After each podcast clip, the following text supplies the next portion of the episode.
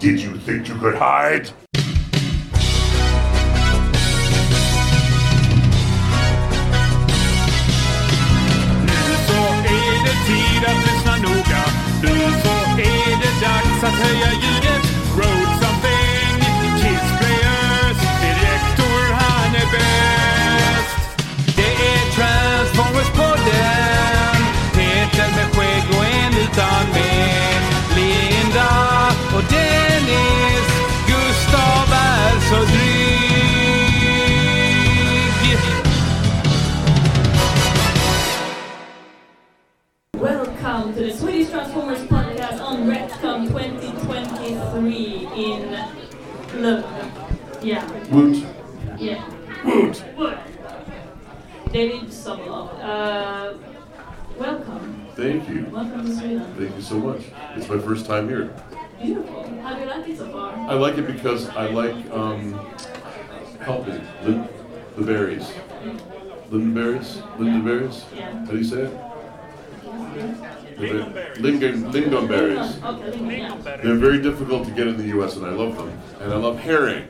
And you can find it, but I'm the only one that likes it. But now everyone likes it here, so it's available. Yeah. So the three days I'm here, I'm eating a lot of that. A lot of those two things. Do they go well together? Yeah. Lingonberries and, and, and herring? I think so. That'd be weird though, wouldn't it? Sweden is good. You can have Lincoln with everything. Do you guys keep it weird here like, like we do? Keeping it weird. Yeah, yeah. Weird's good. Yeah, it is good. Yeah, absolutely. So, Gustav. Welcome, David. And we also have a couple of friends who want to welcome you, besides the audience, that is. Okay. So, Look to the can screen. Direct yourself to the screen, and we hope your sound works there too. Wait.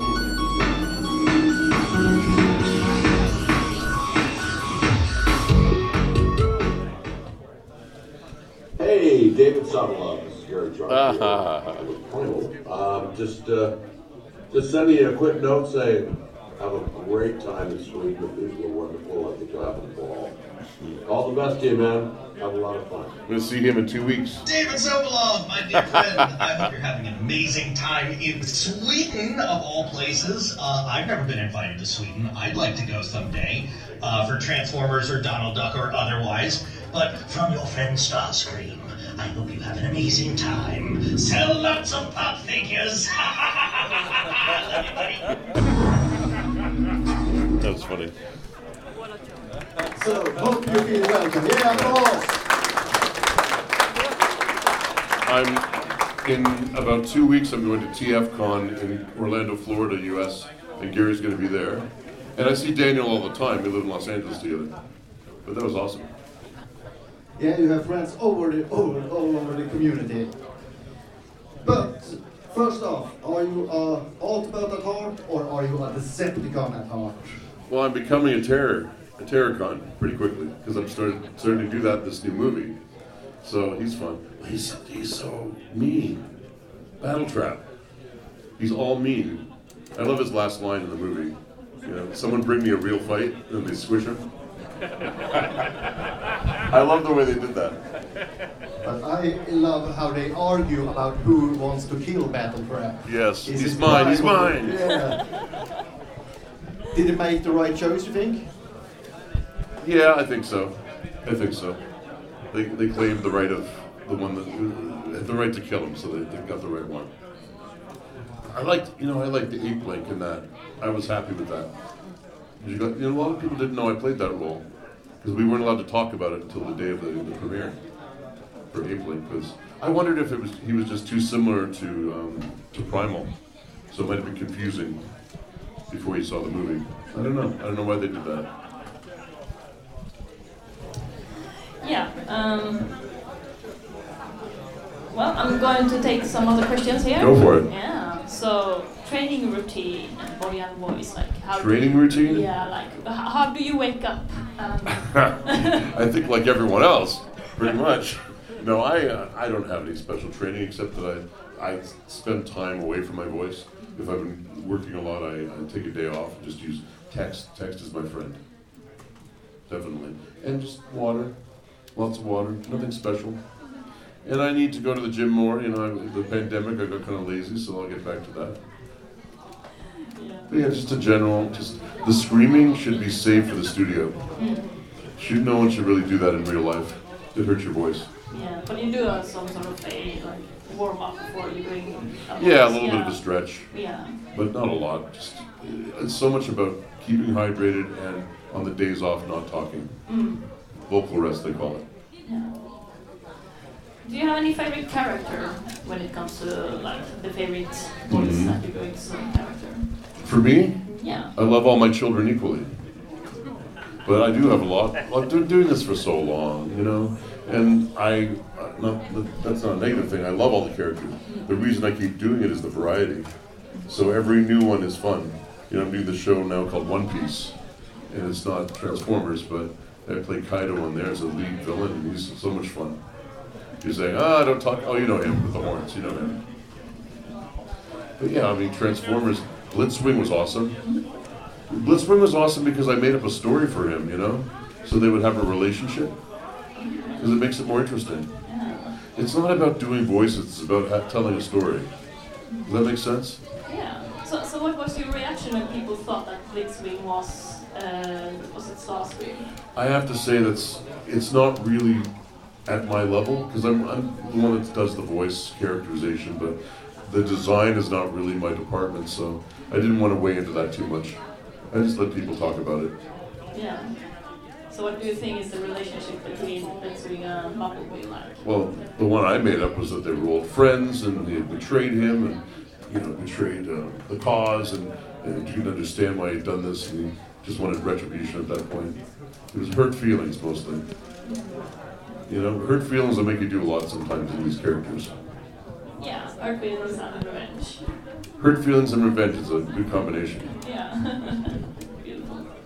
So how did you start with Transformers? Like where did it all start? Beast Wars in the 90s. Yeah. So did you know about Transformers No. before that? No. I had nothing to do, I didn't know anything about Transformers before that. So when when you came into the room and they told you to do a voice to to this character, what was it? That was a 40 minute audition. And you know, like a cake, there are layers. Yeah. The same with characters, too. And at the center of that character was Clint Eastwood. That kind of a character, they, they called him Badass. If, I'm allowed to say that on the podcast in Sweden. They might arrest me for saying that, I don't know. I don't know. Good.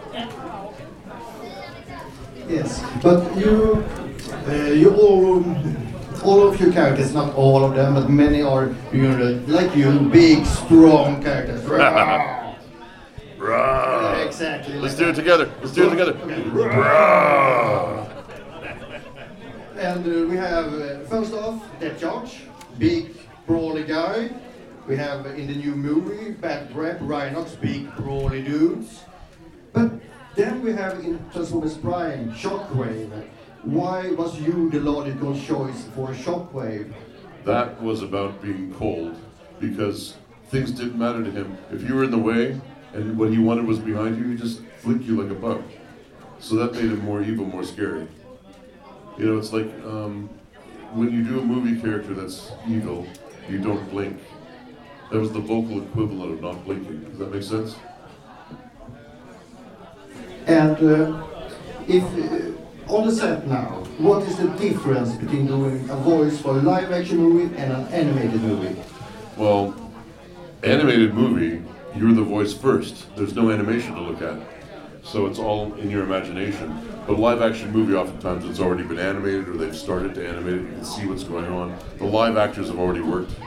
And you're in a big stage called an ADR, Automated Dialogue Replacement.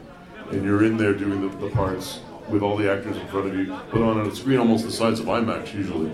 So it makes your performance way bigger.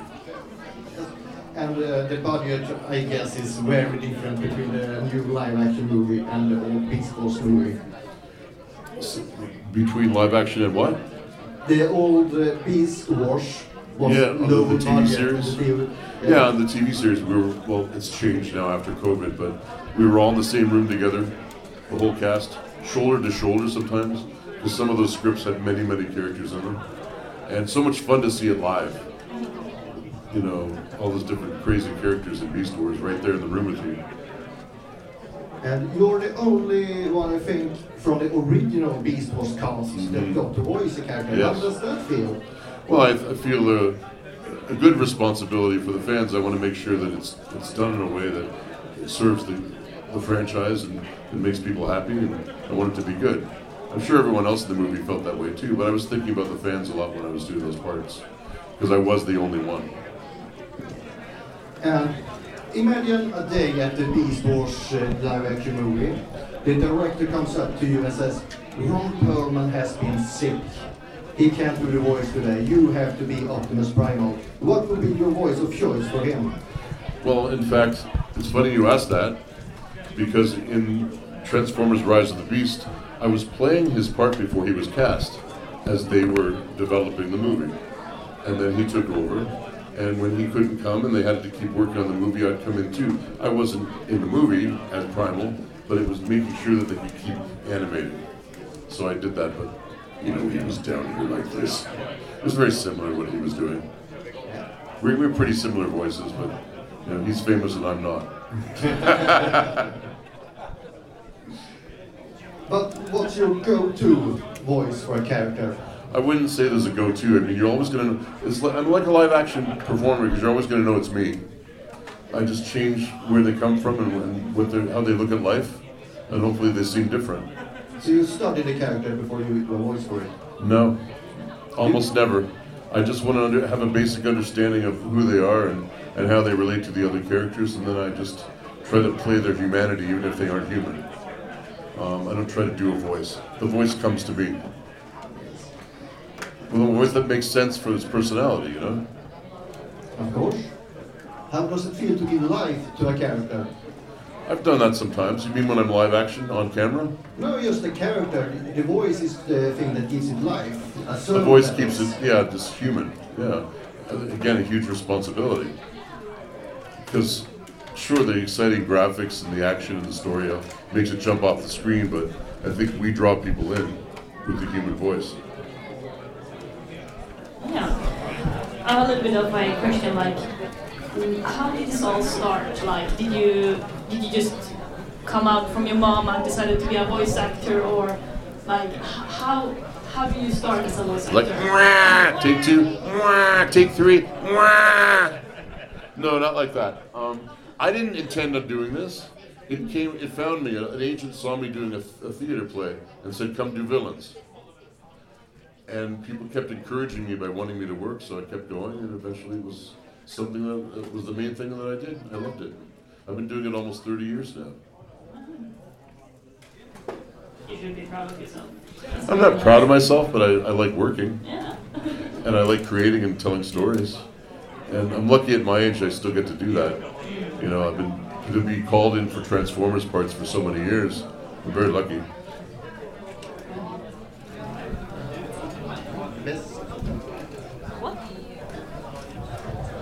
Linda usually asks, what's your favorite thing about uh, doing Transformers? But I want to know, what's the worst nightmare you have been through with the Transformers? Well, I want to answer the first question first. And I know this sounds like I'm making it up or that I'm playing to the audience, but coming to these events and meeting you is the favorite thing.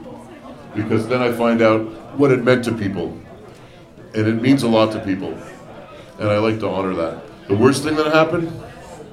The worst things that happen is when they make me scream, but they won't really, not Transformers so much, but in any voice acting, when they won't realize that we're human and they want you to keep screaming and screaming and screaming and screaming. There's only so much you can do. There was a movie I was doing once that wasn't Transformers, and it was eight hours, and we went for about seven hours, and then everybody got up and they said, "We can't talk anymore." And the director was very angry because we had another hour to work. What do you mean you can't talk anymore? And then I got up with the same voice. We can't talk anymore. And he went, Oh, you can't talk anymore. And then he finally understood. So that's the worst, but that doesn't happen much in Transformers. They're always very nice to me. Could you imagine it could have, uh, happen with the character Blitzwing in the Bumblebee movie? Well, Blit, well, no, that one, you know. The, did you think you could hide? I've only done that once outside the movie for a fan that flew from in, this is uh, the, the equivalent of flying from England to Copenhagen.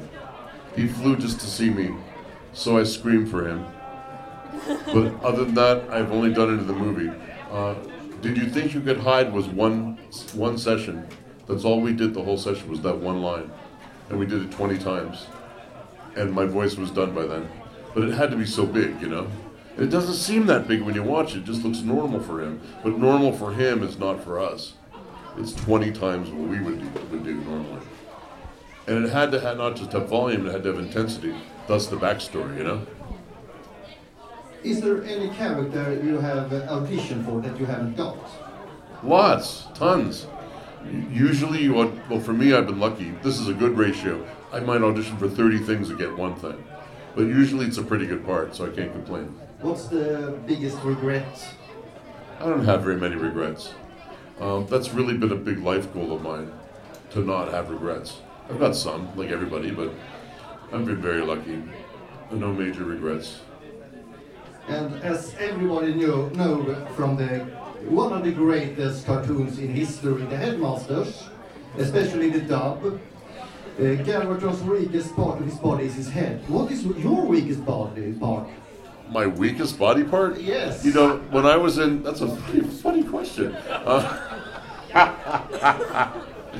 the last time I was asked that, the last time I was asked that was um, in school. I went to the neighborhood playhouse in New York, and I studied with Sanford Meisner. He's a famous teacher, and we had to do a dance at the end of the year, showing your best body part and your worst. And at the time, for some reason, I had some insecurity about my hands. So it was a dance about my hand. I don't feel that way anymore, but I mean, that's a very personal question. Oh, very personal, sir. At least I'm not throwing popcorns at you. Yeah, you're not throwing popcorn at me? Oh, like Daniel did, yeah. So what is your strongest body part? My voice. Is a voice a body part? Yeah, it, it counts. My larynx. I have a very strong larynx. My Adam's apple can. I can shoot things from it. No. that didn't come out so well, did it? I'm impressed. I'm impressed. Very good. Gustav, can I trust you? Maybe. Thank you. These questions are getting spicier and spicier as we go along. It's getting too spicy for the pepper. And if all of your characters you have voiced in Transformers assemble in a bar, who is the most likely to keep the bill? Ha ha. Let's see. Well, not depth charge, because he would be running away to fight somebody at the moment's notice. Brawl. Hmm. You know, Apelinq. Ape Link would pay the bill. Because he's the calmest and the nicest of them all, you know? Yeah, I I can see that. And uh, what is the, your favorite line from the Transformers?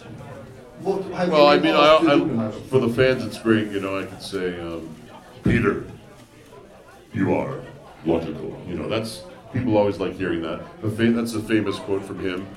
Well, did you think you're gonna hide? Is great. Or also, um, let's make it official. Let's make it official. He's gonna rip his throat out. That's fun too. Things that are deliciously evil are fun. You know that expression? Delicious evil. Yes. Yes. That's a logical choice, I think. Uh, so far about Retcon, what do you think? What's to not like? Everyone's been so nice. You you've been nice. You're you're bordering on not being nice, but you're being. No, I'm kidding. They say I tend to do that. I'm kidding. I'm kidding. I'm kidding. No, no complaints. And my first time in Sweden, everything's been great. It's only been a day. I'm sure it'll be two more days of wonderful things. We have a couple more questions, but let's give the audience a chance to ask you a question. Any brave soul have a question for David? In the back, of course.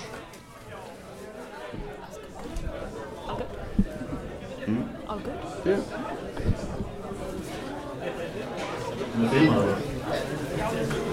Hello, my name is uh, Stefan, and I have a question for you, David. Uh, do you have any fond memories while uh, doing voice recording for Beast Wars? Like any particular moments you remember with the rest of the uh, cast? Well, you make me emotional because Cam who's no longer with us, um, playing his adversary the final day. The final day, they didn't tell me that he was going to die, that that Depth Charge was going to die, but until they handed me the script. So it made it a lot more emotional. And he was across the room and we could work together. I love the fact that everybody was in the same room, so you could really develop the relationships more. And I wish that we had been able to do a panel together or see. I never saw him again. I never literally uh, after that last day. I never saw him again. So that's that was a, a moment that I remember. You know, doing that final scene with him. And the next question? Hello, David. I'm Henrik. I wanted to ask you, uh, have you seen our Swedish fan of the Transformers movie and the other projects? I was waiting for it last night, but it just I was very tired. It wasn't happening. And did you ever show it? Did it show last night? Uh, we showed uh, some parts, yeah. And uh, I wanna see that. all- That'd It's all available on YouTube at uh, Transformers på svenska. I'm sure Peter will send me a link. Uh, I wanted to know if you've seen any of the voice castings and uh, what do you think of the quality of the voices, even though you can't understand Swedish. Oh, ask me again next time they have it. Yeah, okay, Or okay. at, the booth later when I hopefully Yeah. I've seen it by then. okay. Maybe I'll get Peter to send it to me during the day and I can look at it. Yeah, and I totally understand what you uh, said about uh, doing the evil, evil things and enjoying it. I, I dubbed Starscream and threw Megatron out of a Astrotrain. and it was You know, the only time he ever he ever showed emotion was when Starscream was around, because he didn't like Starscream very much. Any more brave souls with the question? Right behind you. Right behind me.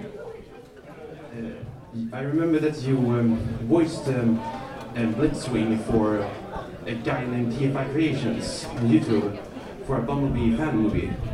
Is that something you do very often? Helping fans doing your I'm trying voices? to. I don't. Remember that to be honest. Um, what, was it Blitzwing? Yes. Well, I have to see it because usually now I don't do that anymore because the studios don't want us to do that.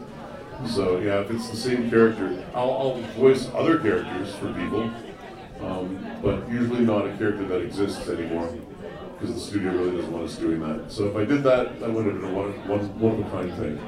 Okay. Thank you.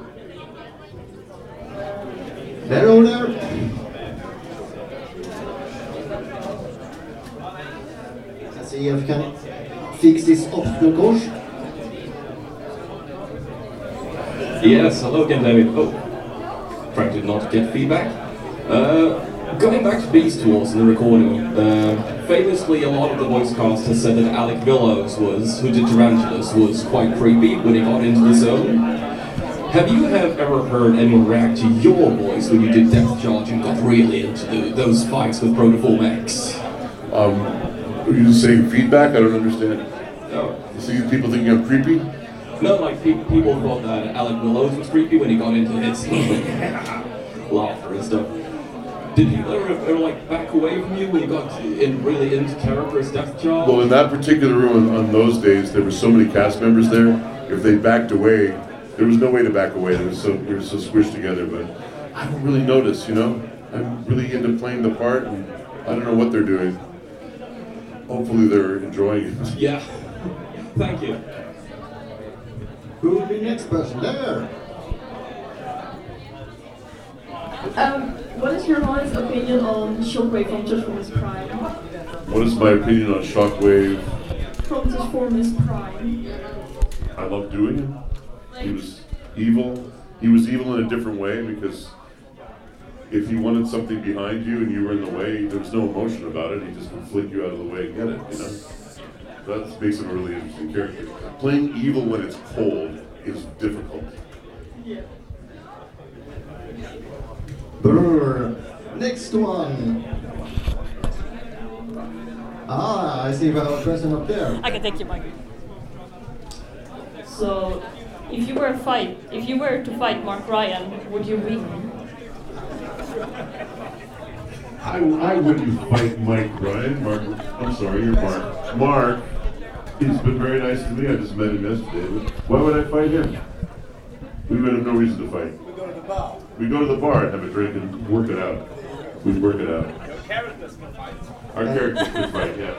Whatever fight would happen if, if there's two Transformers in the room, it's going to be a pretty intense fight. Whatever would happen. And and I was borderline, you say? All right. Next question, anyone? All right, then I can just ask you this. Oh, sorry. Yeah, thanks for your interview, David. Your voice is incredible. It's like a Thank you. glacier moving through mountains. I've never had anything like it. No one's ever described it that way. Thank you. But is there any of the, you said, I know that if you work in your industry, you're a lifer, there's lots of uh, rejection, so you get lot, turned down a lot of Mhm. times for those one role where you succeeded and you end up meeting people years later because you Mhm. affected them. But I was wondering, were any of those roles things that you wish you had done? Was there any character that you really would have liked to have a go at? You, you, you heard the performance and you thought, I'd like to have had a go at that. No, someone's feeding back. I don't know who that is. Could be you. Okay. Um, well, there's a part that I would like to have, and Batman is the one that I would like to do. So we'll see if I get a chance to do that someday. But what you have to do in this business, the rejection thing, don't you can't take it personally because it's just business. You could be doing a great performance, and you just aren't right with the other people in the cast. Or they want someone slightly older, slightly younger, slightly different accent. You never are told you don't know. So you do the audition and then you forget about them. Even if it's something big, I might remember for two or three days, and then you have to put it out of your mind. So don't let it bother me. Just that's the one role I would like to play that I can think of. Other than that, I love the variety that they throw at me, and if I'm working at all, I'm lucky. It's more than 97% of most actors. I'm very, very fortunate.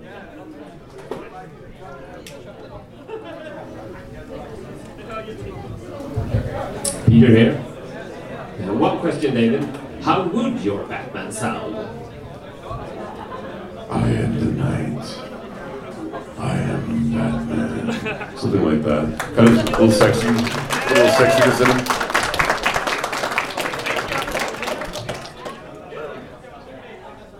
One more there.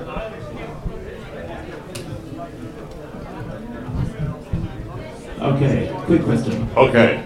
Favorite Here we go. Voice acting job of all time you've done? Your favorite actor, uh, your favorite character? Okay. I can't say my standard line that I said earlier, I love all my children equally. I have to have one.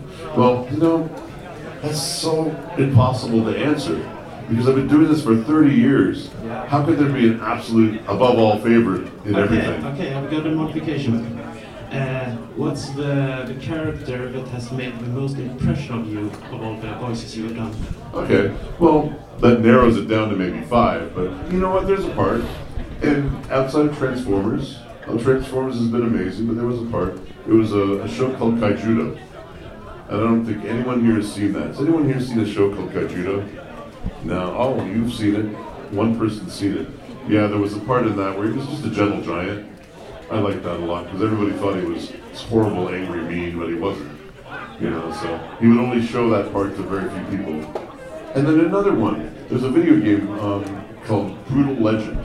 Not Brutal Legend. Darn what is it called? I remember the part was called Digo Egus. And he was so complex, you know, he, he even though he was a, a character in a, in a video game, he was a patron in a bar, but he was alcoholic, so he was trying not to drink. But he was there because he was in love with the person behind the bar. The woman behind the bar, he loved her, but she wouldn't be interested because he was a drunk, you know? But he was trying not to drink for her, and then he had been a soldier, and they kicked him out because he was, it was all about the drinking, you know? It was such an unusual character for a video game. Yet he wanted to get his old glory back again and fought to get his life back, so that was interesting. So yeah, when they have a great backstory, it's, it's always fun. Any last questions? There. Hello. Hello. I have a League of Legends question. Oh, great. Oliver.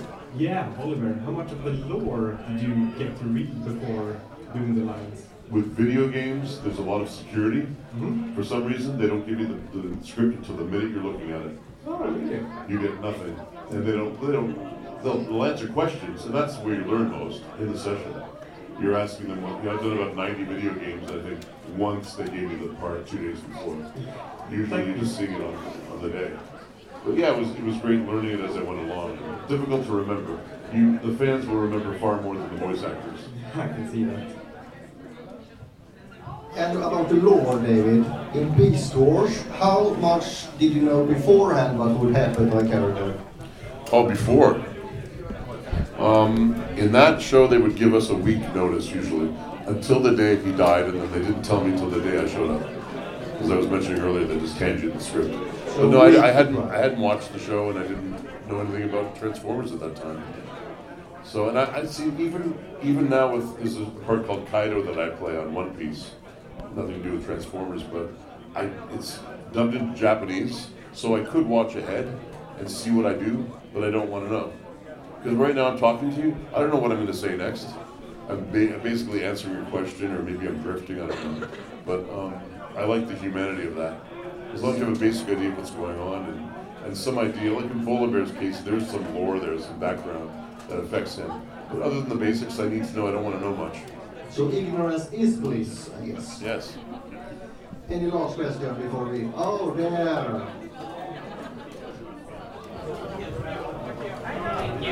Hi, maybe a stupid question, but I know voice actors sometimes have like um, in the hand something when they speak to get a character. Do you have also something like that? Yeah, because it's not about the voice, it's about what's going on in the scene. Yeah. So I'm telling the story, I'm playing the scene. If it's animation, I have to make it all up in my head. So all of you, I'm at a panel right now talking to people. I'm in Sweden. I'm speaking to you. I'm looking, I see your face. All that stuff has to be in my brain when I'm doing, or it doesn't sound real. It just sounds like you're reading words. Yeah. you So know, yeah. Yeah, but you have something like in the Netherlands, uh, where from we have a voice actor for cartoons, and she has this uh, play body, so that she uses it as her character. She moves it around, so she can talk to it in her voice. That's awesome. Everyone has their technique, you know? You And I just, no, um, well, well, it's called a voice print. When you have the type of voice that you're doing, the style of the voice. And I just, usually the first day, the union rules in the US, the actors union, you can, they hardly ever use this, but you can go eight hours on the first day and then only four after that. And the eight hours is so that you can do that. You develop the, the, the part to the point where you can keep it consistent. Because on day one, I have to sound the same as on episode 90. So it has to be established and set. So that's, but that's just the icing on the cake to me. The, the voice, the crazy voice I would do or something. I don't ever do voices like that. But yeah, that's just there. And then you tell the story. Okay. Thank you. Thank you. Have you any last question, Ida? You're running out of time. So, what would be the appropriate quote to end this interview with? The appropriate quote. Well, it's hard because I don't memorize my lines, but I'll try to remember something. Let's see. I wish there was a quote, like a goodbye kind of quote, but I guess the one I was, I was going to start with, and I didn't do it. The one I was going to start with was to everyone, Did you think you could hide? Can you do it more aggressively? No.